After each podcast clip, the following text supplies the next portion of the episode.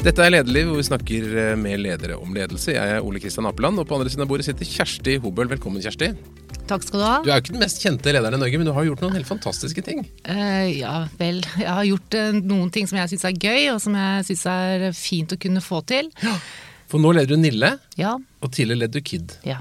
Og så er det overskrifter om deg som er Du har blitt kalt for DNB superkvinne og supersjefen, redningskvinnen og krisens kaldeste. Hva tenker du, er det en bra beskrivelse av deg? Nei, jeg tenker at det er ingen som er verken superkvinne eller eh, liksom fikse her alene. Det er teamwork. Det det handler om er å få folk til å gå i takt, og få folk til å se et mål de tror på. Og ikke gi seg før du kommer dit. Det, men det har jeg ståltro på. Men, og det er krevende, og det krever ganske mye over en lang periode. Jeg pleier å si at uh, det er ikke en spurt, det er ikke en sprint, det er ikke tresteg. Vi er ikke Karsten Warholm, men vi skal jo på en maraton.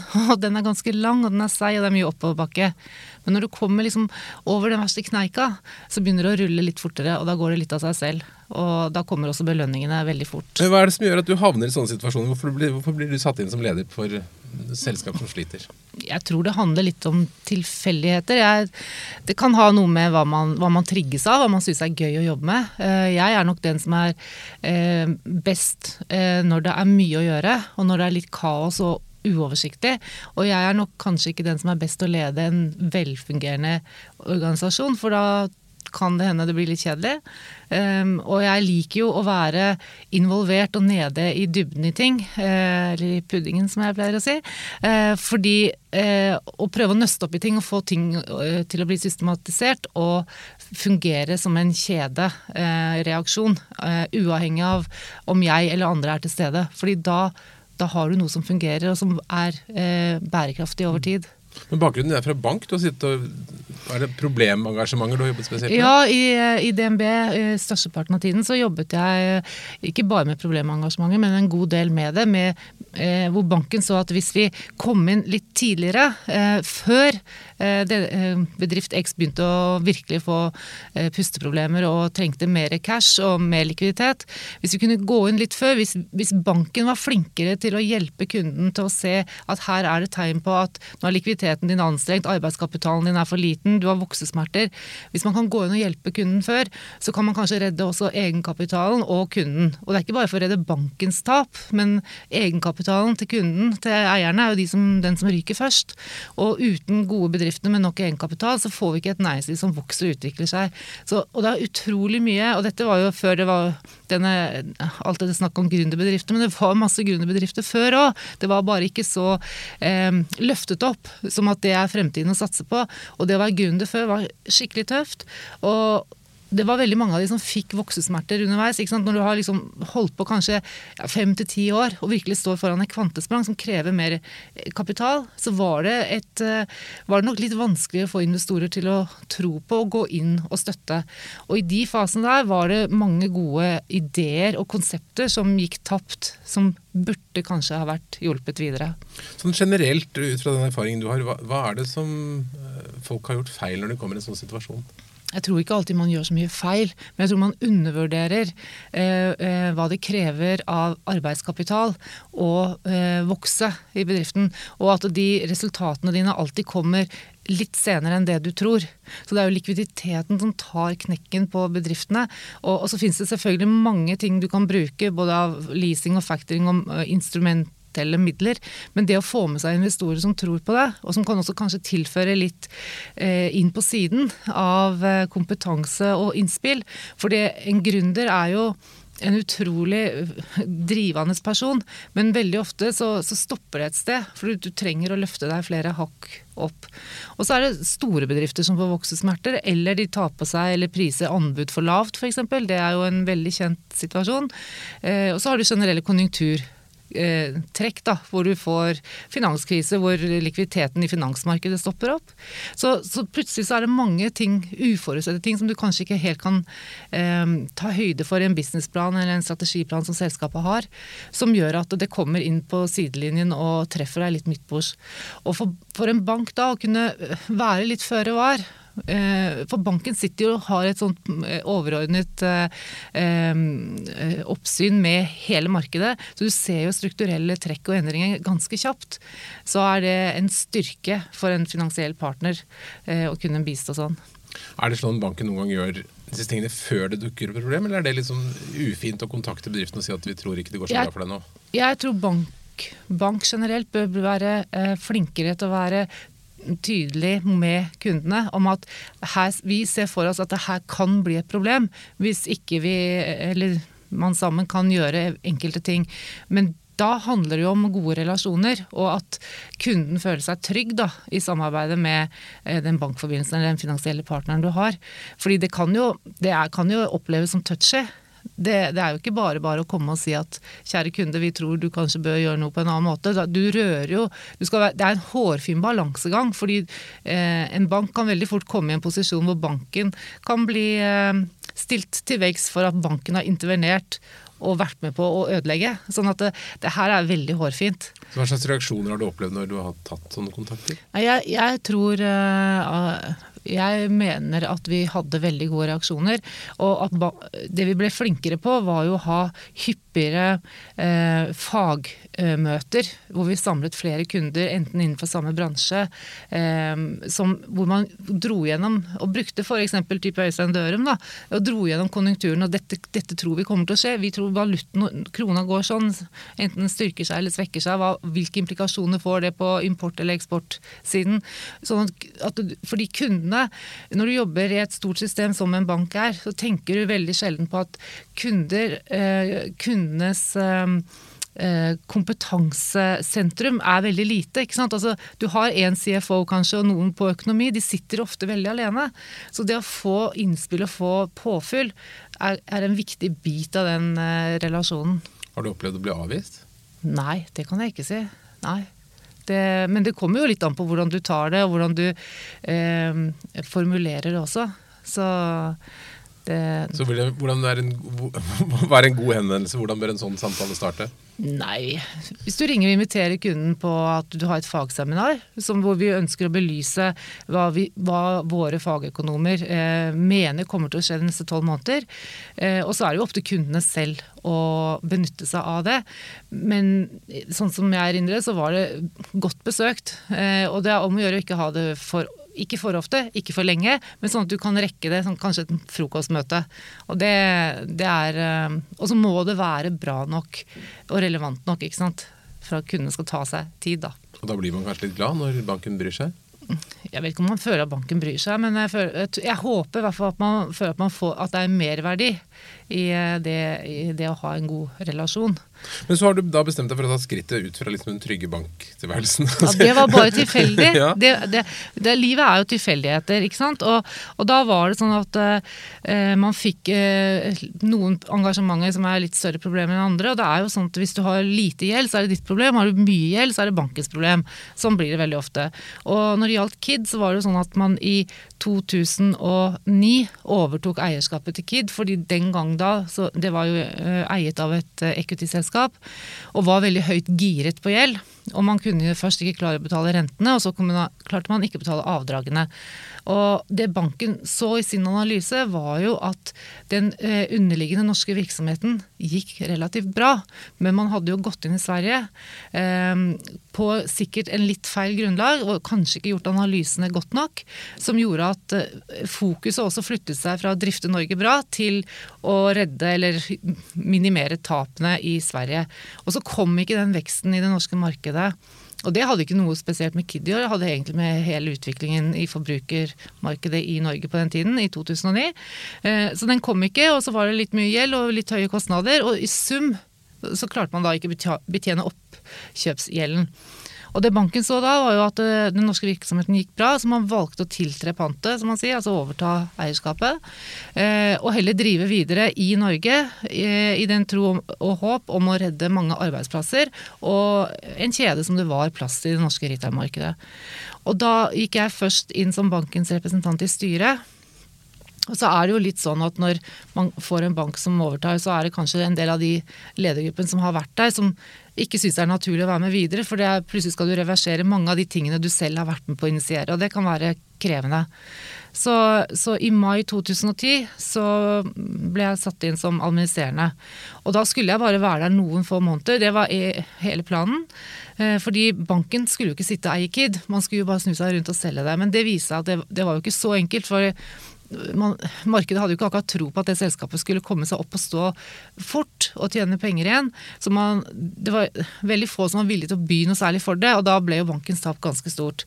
Så ble vi enige om at ok, vi kjører videre et års tid, så ser vi om ikke det er mulig heller å å få omsatt selskapet. Så i juni 2012 så ble jo Kids solgt til Bjørn Rune Gjelsten og Gjelsten Holding som, som kjøpte det da. Og, det. og, i den perioden der så klarte man jo å få tilbake eh, driften og få organisasjonen på plass. Og, og, så fikk man en veldig god eier som eh, sammen med, med managementet klarte da å, sette en del premisser og fokusere på på få gode, viktige ting som gjorde at selskapet altså det, det, handler om å holde fokus og holde strategien, da. Hva var, det, hva var det første du gjorde da du satt deg i sjefsstolen da, i KID? Nei, jeg, det første jeg gjorde var egentlig å fortelle at uh, ikke vær redd for jobbene deres. Dette går fint. Uh, men vi må fokusere på å, å, få dette opp og stå igjen. Så vi må fokusere på å ha de riktige varene i butikkene til riktig tid, og ikke bli utsolgt for det som er smør- og brødvarer. Altså hvite håndklær og laken og ting som folk skal ha. Um, og så er det liksom å, å, å, ta vare på de menneskene som jobber der, og få de til å stole på at det vi sier er det som gjelder. Her er det ingen skjulte agendaer. Her er det Kom og spør, høyt under taket. Men vi må jobbe sammen og trekke lasset sammen. Og det er jo alltid veldig mye flinke folk i en organisasjon. Men hvis de har gitt, ikke stoler på Hvis de har mistet tilliten, da, så altså, ta, tillit er ikke noe du bare kan få, det er noe du må gjøre deg fortjent til over tid. Og, og det er krevende. Så du må bruke tid på det. Og det, og det, og det får du ved, ved, hvordan du agerer hver dag. Så du må gå foran, og du må, du må være det du sier du er. Og du må du må aldri si noe som ikke stemmer. Da er det bedre faktisk å si at vet du hva, jeg kan ikke svare på det nå, jeg må få lov å komme tilbake på det. For hvis du står og lover noe som ikke du kan holde, og som du egentlig innerst inne vet at dette her kommer til å ja, Hvis jeg klarer det, så er det bra. Det er dumt. Det er mye bedre å love mye mindre, og så heller overlevere eh, til folk. Så de må få tilliten tilbake, og så måtte de få stoltheten tilbake. For dessverre så er det sånn i Norge at det å jobbe innenfor retail, og spesielt å jobbe i butikk, det er jo ikke et høystatusyrke. Og det burde det ha vært. Eh, og jeg håper at vi kan få en, en eh, et løft på, på, på omdømmet i forhold til det å jobbe i butikk. fordi det er ikke at Du sitter ikke bare i kassa på Rema. Liksom. Du, du, møter mennesker og behandler mennesker. Det er interaksjon i hvert eneste kundemøte. Og de som jobber ute i retail, de har mye kompetanse om det de skal selge til deg. Og det de, som bedriften står for. Eh, men vi måtte få tilbake stoltheten og få verdiene i selskapet opp i lyset igjen. Um, og det er klart at Når man får Bjørn Rune Gjelsten som eier av et selskap, og han har tro på det, så er jo det, det hjelper ganske fint, det. altså. Um, og, og, der, jeg må si at Bjørn Rune han gjorde en fantastisk innsats. Og, og vi hadde møte med alle butikklederne. Han personlig gjennomgikk butikken. største utfordringer, hva er det største potensialet, hva er det du mener vi må få på plass? Sånn at de alle ble sett, og alle ble verdsatt, og alle ble løftet opp. Og det skjer noe med oss mennesker hvis noen bryr seg om hva du gjør, i forhold til hvis ingen er så veldig opptatt av hva du gjør. Så det, det tror jeg var noe av uh, kjernen, mm. viktigste av det vi klarte å bygge på kultursiden. Hva du ser etter når du, når du skal si om en butikk er god eller dårlig? Hva er, det, hva er indikatorene? Det første du kan se på, er selvfølgelig omsetningen. Eh, og så kan du se det på turnover i butikkene, på de butikkansatte. Eh, og hvis alt det er på plass, så kan du jo se på hvordan, om butikken er velfylt, om, om, de klarer å holde den fin og ryddig. Eh, konverteringsgraden på antall kunder, altså at det, du klarer å selge mest mulig til flest mulig kunder som kommer inn. At, du, at du sier hei, at du tar imot kunden ordentlig.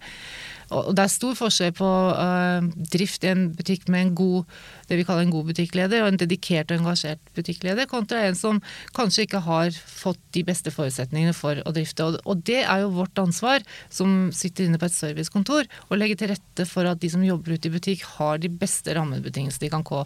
Og det er riktig vareforsyning, riktig plakatmateriell, at vi har gode kampanjer, at vi har tenkt gjennom sesongene, at varene kommer når de skal, så ikke kunden går bomtur. Fordi det er jo du som står og møter meg ute i butikken, som, eh, som får hele den pakka med en gang en kunde ikke er fornøyd. Og, det er ganske krevende å jobbe i en butikk. Mm. Det er tunge løft, det er mye utpakking, det er mye eh, kunde... Altså du skal jo være, du skal jo være mentalt litt sånn oppe på topp og, og si hei og være blid med alle du møter en hel dag.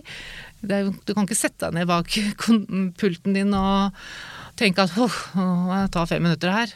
Det, det går jo ikke. ikke sant? Så, så jeg syns det er undervurdert og lite, altfor lite verdsatt den jobben det er å jobbe i servicenæringen. Det gjelder ikke bare butikk, det gjelder egentlig all servicenæring, tenker jeg da. Men hvordan klarer du å, å spre all den entusiasmen ut i en butikkjede som da hundrevis av butikker over hele Norge? Hvordan gjør du det i praksis? Alt vann renner jo nedover. Så du må jo begynne med de nærmeste som du jobber sammen med. Eh, og få, få alle til å liksom gå i takt og tenke og se, og Vi må ha et klart mål hvor vi skal. Eh, og så er det å jobbe og være ryddig og, og snakke til hverandre og ikke om hverandre. Veldig sånne enkle kjøreregler. Eh, og ha flinke folk. Flinke folk som er mye flinkere enn meg på det de, kan, det de er gode på, eller det som er deres fagområde. Det er alfa og omega. Eh, og det fins masse flinke folk. Eh, og det er helt utrolig når du kommer inn i en organisasjon og du begynner å gi folk tillit, hva, folk, hva som bor i folk. Det, og, og, når de får muligheten. Så man, man skal aldri undervurdere de ressursene som fins i en organisasjon, og som kanskje ikke har vært sett. Da. Det, å stole på mennesker og gi de tillit, da får du ofte tifold igjen. Det er i min erfaring. Men du sier man starter med en, en klar idé og en strategi og et mål. Det er, ikke alltid så lett å velge den, hvor det målet skal være og hva den strategien skal være. For det, det at vi skal drive lønnsomt, det er jo ikke kanskje noe som motiverer seg selv. Nei, men det å, å, å gå i, i hvert fall gå i null, da, det er jo et mål i seg Ja. selv. og, og det er kanskje enklere når det virkelig er problemer. Eh, enn om hvis du surfer eh, Altså er en veldig veldrevet bedrift eh, som har tjent penger i alle, alle år, og alle er gode og mette og fornøyde og egentlig ikke syns det er så farlig. Du har så mye mer å kjempe for når du jobber et sted som ja, Nille nå, da. Eh, For vi Altså der har man hatt utfordringer. Det er jo litt det samme som det var med Kid for ti år siden. At det har gått dårlig. Eh, Fond som eier det, overfinansiert. Eh, driften har ikke vært bra nok. Men det er masse flotte folk som jobber her. Mange arbeidsplasser. En norsk, veldrevet, eh, alltid tjent penger før. Det er ingen grunn til at det selskapet ikke skal bli lønnsomt igjen. Vi må bare gjøre de rette tingene i riktig rekkefølge. Og det er så mye flinke folk der som har lyst til å få det til. Men de må få tro på at det, det funker. Og da er jo DNB som eier helt fantastisk å ha. Fordi de er en stabil eier. De, de eh, intervenerer ikke i driften, de styrer gjennom styret. Eh, De, du har på en måte en veldig god og ryddig dialog med dem, og en veldig trygghet for de ansatte at dette går fint, men vi må få dette til, og vi må begynne å levere gode resultater. Og vi skal dit og tjene penger. Vi skal ikke fortsette å ikke tjene penger. Så, sånn sett så er det nok lettere eh, når det er så galt som det er, da, så er det faktisk lettere å, få, å finne målet. Eh, og ikke minst å få folk til å jobbe mot det målet, for det er så entydig klart at det er dit vi må. Eh, for ellers så går det jo ikke. Men sånn som Nille, da, som du jobber med nå, så Mm. det har jo eh, i hvert fall vært et enormt varespekter. Det er jo alt fra sjokolade og potetgull til håndklær og lys og kort og det. Men så, hvordan velger du liksom hvilken strategi, det, hvordan dette konseptet egentlig skal se ut? Ja, da, det, som er, det du må begynne med da, er jo å se på hva er det man selger mest av. Eh, og hva er det man eh, har solgt mest av? Og hva er det vi tror kommer av trender og ting og tang som For det endrer seg jo. Altså Vi selger jo ikke så mye konvolutter nå som man gjorde før i tiden, for man sender jo ikke så mange brev lenger. Det er et sånn enkelt eksempel på at man kanskje må skjære ned på sortimentet på konvolutter, og så heller ha noen andre ting. Eh, Så det er egentlig hele tiden Og det er da du må ha analytisk kapasitet, eh, og ha flinke folk som kan kjøre modeller og analyser. For her, det nytter ikke å ha tro, håp og kjærlighet, og enkefru Hansen kommer inn hver morgen og spør etter noe. Du må se på volumene, og hva er det folk etterspør, og hva er det du alltid selger tomt av? Som du burde være flinkere til å ha mer av. Og det er mye forbruksartikler som gjør at det er mye gjenkjøp og gjenbesøk på Nille. Og så ligger man på på veldig mange steder i Norge, og er, er nok um, Det er en utrolig dedikasjon ute, eh, du ser på sosiale medier og sånn, eh, blant kundene om Nille, fordi man ligger på steder hvor det ikke er så veldig mange andre butikker. Så man fyller en funksjon utover det bare å være en, en butikk, da. Eh, Gjerne sammen med en dagligvare og en apotek og en blomsterbutikk. Så er det liksom på de små nærstedene i Norge hvor, hvor det kanskje er viktig at noen er, da. Hva, du, hva er mest forandret i Nille nå, sånn, hvis jeg kommer inn som kunde i forhold til hvordan det var før du begynte? Jeg håper at man vil oppleve kanskje litt ryddigere og strukturerte butikker. Fordi som du sier, det er et enormt varespekter og et vareutvalg. Så det er viktig å samle det konseptuelt, sånn at det er litt enklere å finne fram at hvis jeg vil ha den koppen der, så kanskje jeg skal ha den bollen der også som passer til eller hører til. Sånn at vi prøver å gjøre det litt mer oversiktlig og ryddig, sånn at det er lettere å gå på skattejakt. For det er jo det som er litt gøy, da, å gå litt sånn på skattejakt og finne ting som du ikke visste du trengte. Eh, og så det å være god på på å, å, levere til alle de små, store øyeblikk i livene til folk. Altså Det er bursdager, og det er feiringer, og det er party, og det er å finne på litt morsomme ting. Så vi må ha det aspektet òg. Så, så, det er liksom, Og så må sortimentet forandre seg etter hvert som årstidene forandrer seg. Og Nille er jo veldig eh, drevet av de store høytidene.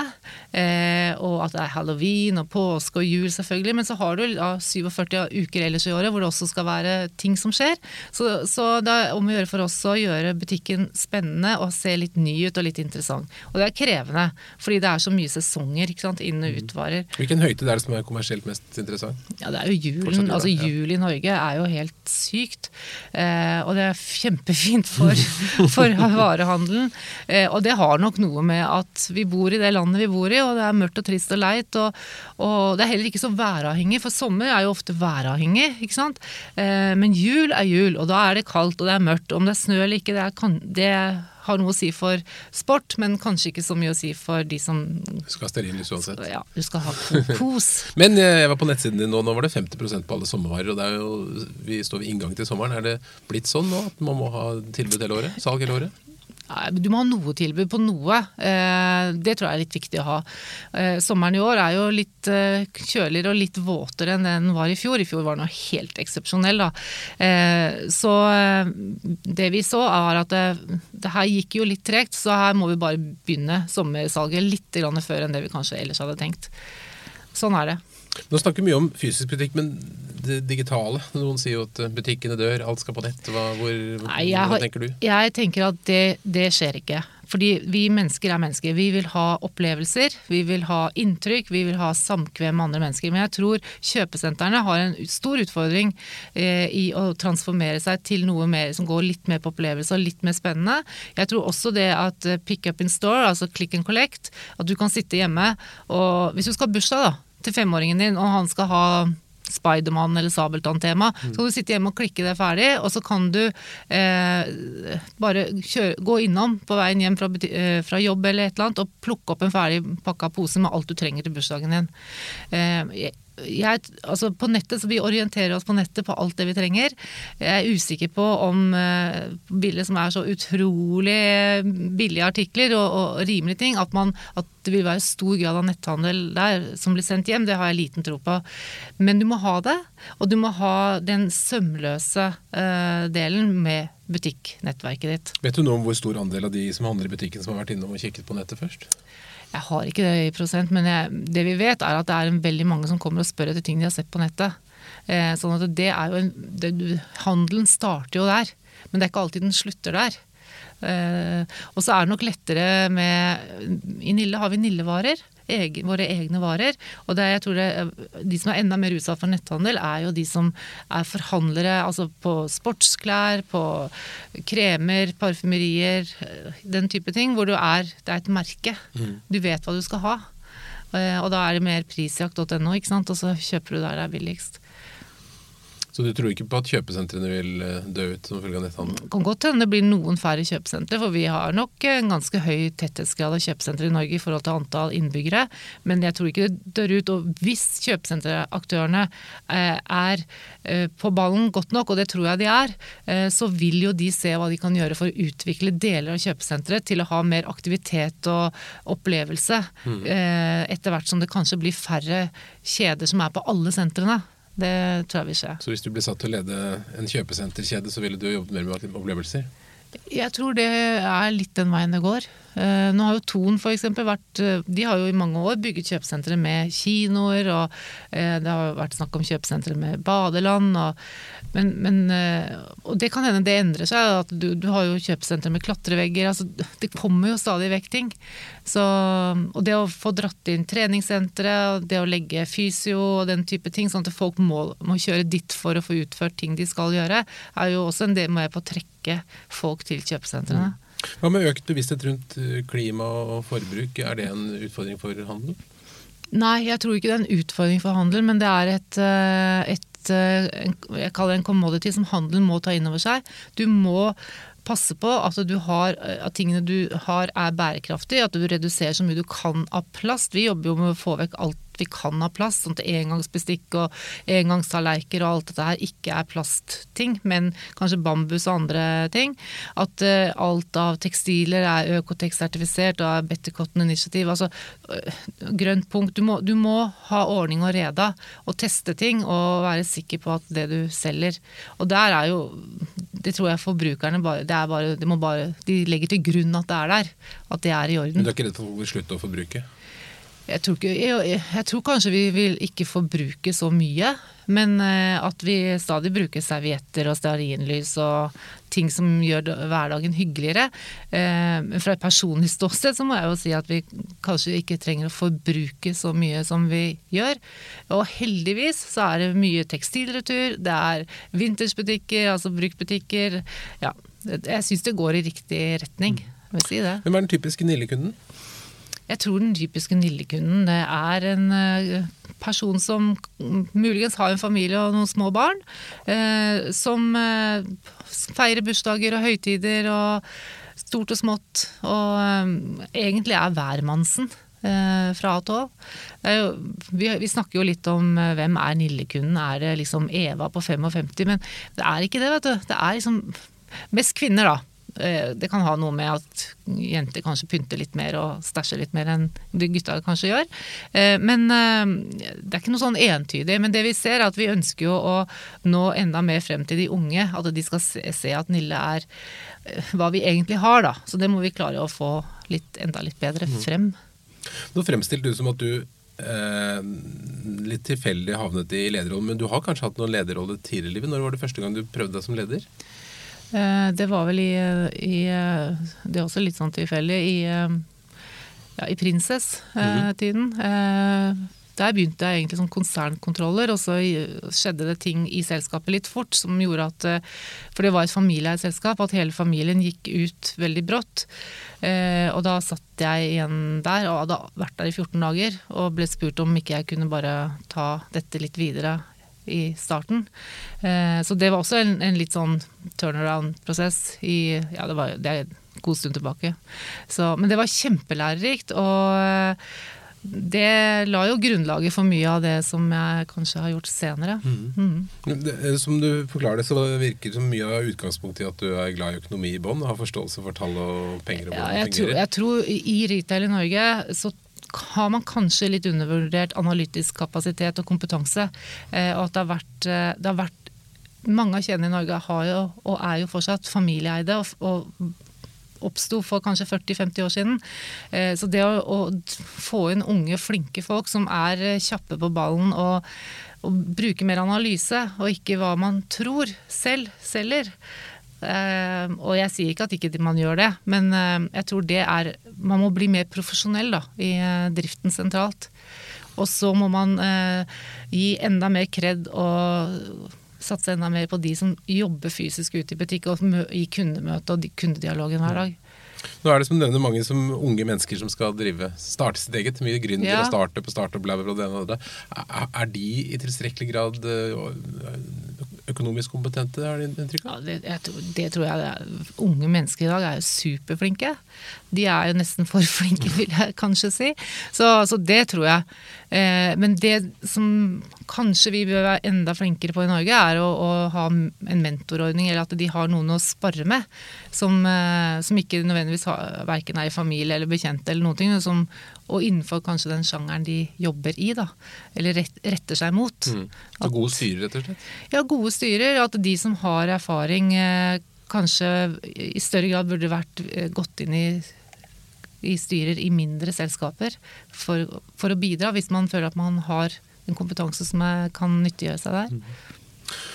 Du nevnte ledergruppe, at du kommer inn og, og det kanskje skal være rokeringer. Hvordan, hvordan, gjør du det helt konkret når du ser at en person ikke er den rette i den jobben, eller kan fylle den uh, funksjonen som du ønsker? Da må man jo sette seg ned og snakke sammen. Det er, det er ingen vei utenom. Du må ha de der eh, litt tøffe samtalene. Uh, og gå i dybden og virkelig finne ut av det. Så ikke du gjør noen urett. Fordi det er veldig fort gjort å gjøre. Det er veldig fort gjort å skyte på noen som det kanskje er helt urimelig å gjøre, og under feil forutsetninger. Eh, men det er kritisk viktig i en fase hvor hvis du skal prøve å få snudd noe, at man klarer å, å få en dialog som gjør at man kan komme et skritt videre. Enten at man finner at dette her går fint, vi kan gå den veien videre sammen. Eller at kanskje det er bedre at for alle, ikke minst for den det gjelder, eh, at man gjør noe annet. Fordi det å ikke snakke med folk ærlig, eh, det gjør jo at folk blir et case til slutt. At de ikke fungerer i jobben sin. Fordi de vil ubevisst uh, føle hvis ikke du har ordentlig tillit. Eller ordentlig, det, hvis ikke du har tillit, det er jo enten tillit eller ikke tillit. Så, så og det er litt krevende, kan være, men det er ingen vei utenom. Ehm, så da må man jo bare være helt på med en gang. Det, og da tilbyr dem noe annet, eller hva gjør du for noe? Jeg, veldig ofte så finner vi ut sammen hva som er fornuftig, og så finner man gode løsninger. Eh, og det er viktig at eh, det må være lov å, å feile, være, uten at det betyr at du eh, omtrent blir skutt sånn eh, både mentalt og karrieremessig. Eh, det er jo ikke sånn at fordi om det ikke gikk bra et sted, så kan det gå kjempebra et annet sted. Det har veldig mye med hvordan den reisen som har vært før, har vært, og hvem som satt, og den strategien som har valgt. og ja, det er masse mm. tilfeldigheter. Når du da skal plukke nye, gode mennesker for å, for å redde en virksomhet, da, utover det rent faglig, hvilke egenskaper er det du ser etter? Jeg jeg er, veldig opptatt av de verdiene folk har. At de er nøkterne og jordnære og flinke ut, og at de er mest opptatt av å få til å nå målet. Mer opptatt av det enn at de skal ha, lages, altså de, de, er karrierefremmende for dem selv. Um, og hvis du får uh, flinke folk som er opptatt av at vi skal lykkes sammen, og skjønner at eh, hvis vi lykkes sammen, så vil vi alle få kred for det.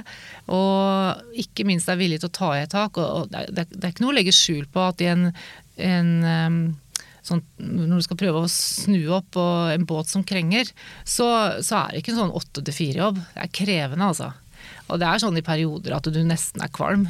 Eh, og du bare lurer på hvor lenge du orker. Men, men du gjør det. Fordi du, du skal dit og du har et ansvar, du har tatt på deg en jobb, og du har et ansvar overfor de andre. Og da er det så viktig at den ledergruppa er, har det fundamentet at det er lov å si at 'jeg vet ikke om jeg orker mer', jeg. Eh, jeg hadde en nå som sa at jeg, ja, jeg har aldri tenkt på at jeg ikke skulle klare å fikse jobben min, men nå lurer jeg på om jeg klarer dette her. Og da er det så viktig at vi andre sier at jo, dette går fint. Hva kan vi hjelpe deg med? Hva kan vi gjøre nå som gjør at dette føler vi at vi får hodet over vannet igjen? Og det å tørre å si det, at jeg vet ikke om jeg får det, da tenker jeg da har vi kommet dit et godt stykke på veien. For da har vi tillit til hverandre.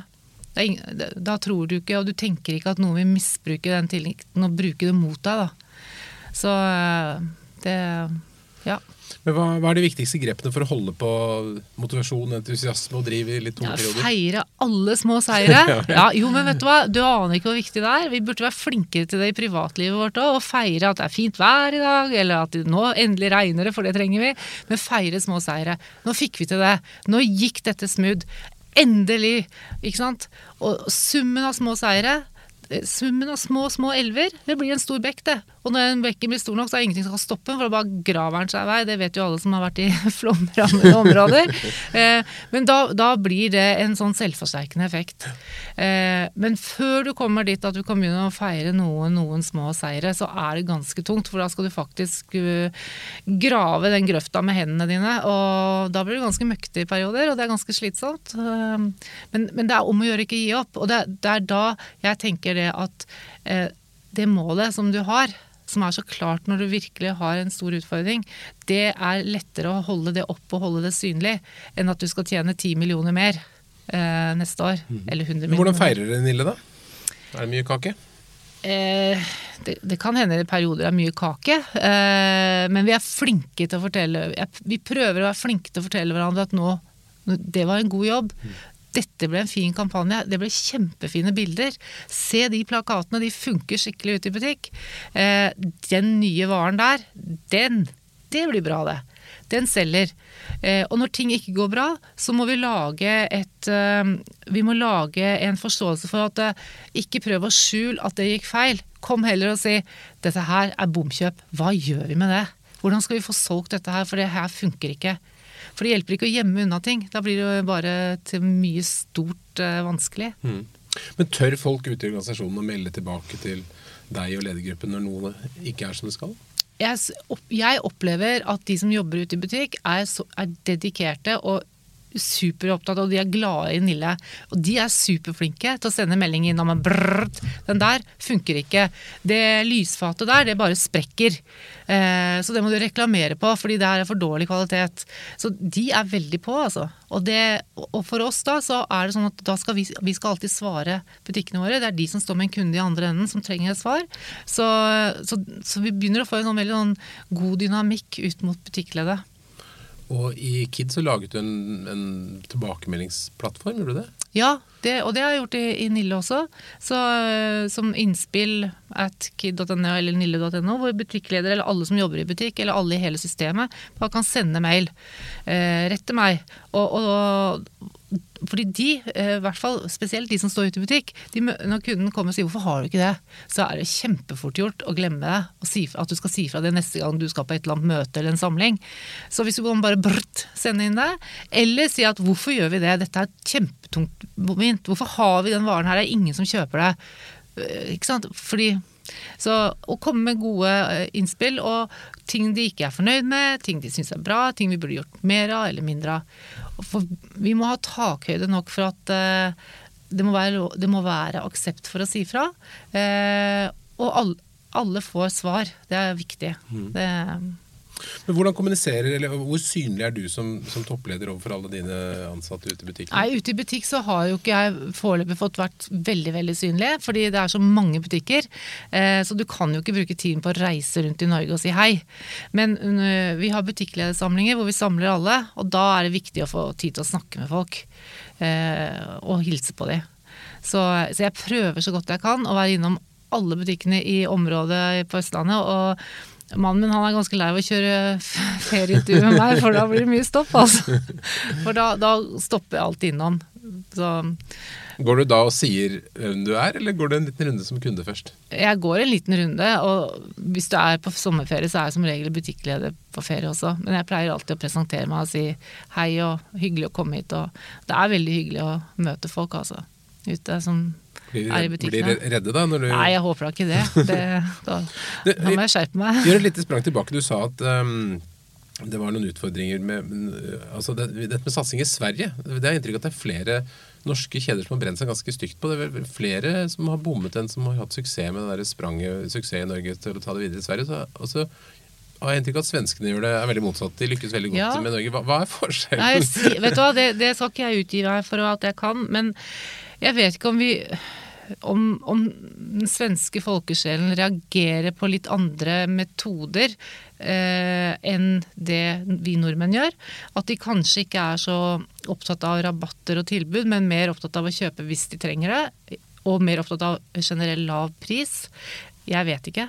Men, eh, men, det er jo helt riktig. Vi har jo masse svenske kjeder. Altså Du har Claes Olsson og Jula og Rusta ja, som gjør det kjempebra i Norge. Eh, og vi, altså har, mange norske har jo ikke klart det. Kanskje Dressmann? Eller, ja, jo, Dressmann mm. tror jeg, men de brukte nok mange år mm. før de klarte, klarte å etablere. Der, ja. ja. Så det er, jo, det er jo litt rart. Så vi får jo håpe at noen etter hvert kan knekke den koden. Men det er vel litt tilbake til det du sa med kanskje mangel på analytisk eh, Eller respekt for analyse. At man går på god magefølelse sier at vi lykkes så bra i Norge, så bare dundrer inn i nabolandet. Ja, jeg vet ikke. Jeg skal ikke utgi meg for å sitte på den fasiten. Og den som sitter på den, den kan sikkert gjøre gode penger. Um, du, uh, jeg å snakker litt mer om dette med, med konseptet. for det, Du sier at hvis alle tror på konseptet, men, men, det å få enighet rundt et konsept og klare å formidle på en enkel måte liksom, Sånn skal Nille være, eller sånn skal Kid være. Hvordan, hvordan gjør du det?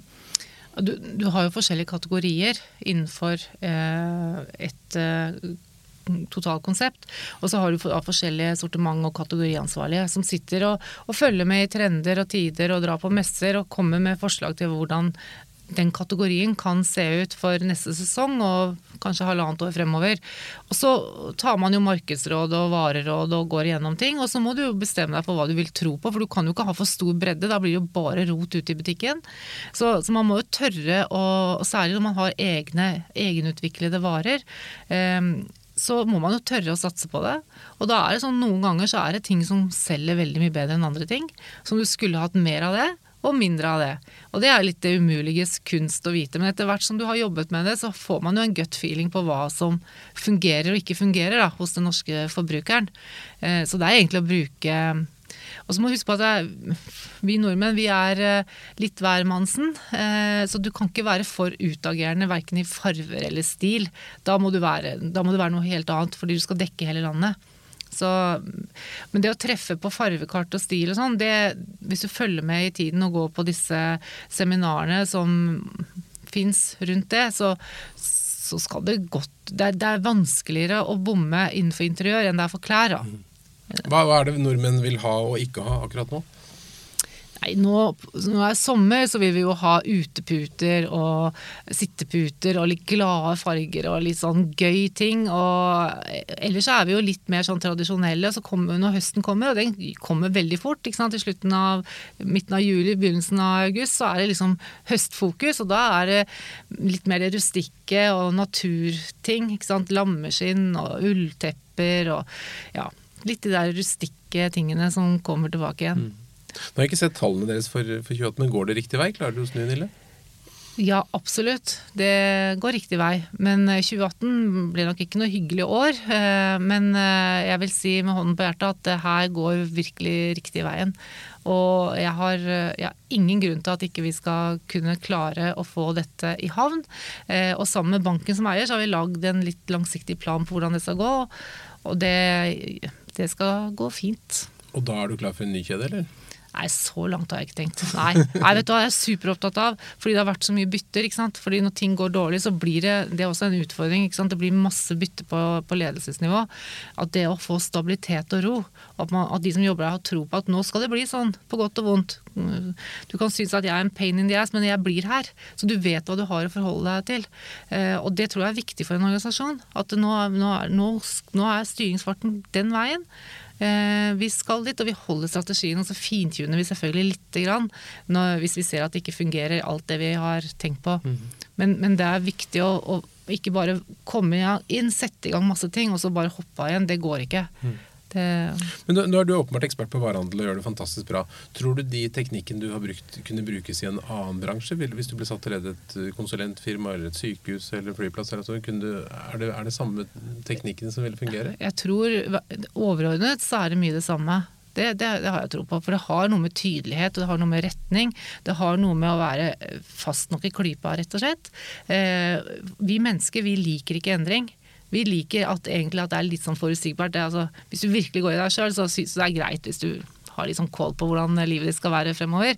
Så hvis det kommer noen og skal endre hvordan du gjør ting, eh, selv om det den måten vi gjør ting på gjorde at det gikk rett til helvete, så har du ikke lyst til det. Så den motstanden mot endring den er alltid stor i en organisasjon. og Det er derfor du må få med deg mennesker som, som virkelig genuint tror på det. Som er ryddige og ærlige og oppriktige og nøkterne. Og som vil gå ned i detaljene, for det er der en, kimen og suksessen til endring ligger. Det nytter ikke å surfe opp på overflaten og snakke strategi, du må ned i detaljene.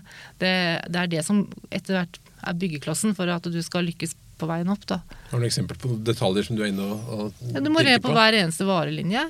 Eh, og se på varen og se om den er, er det riktig volum, er det riktig farge, er den riktig kalkulert, er, har den riktig plassering i butikken. Altså Du må ned på hver eneste varelinje.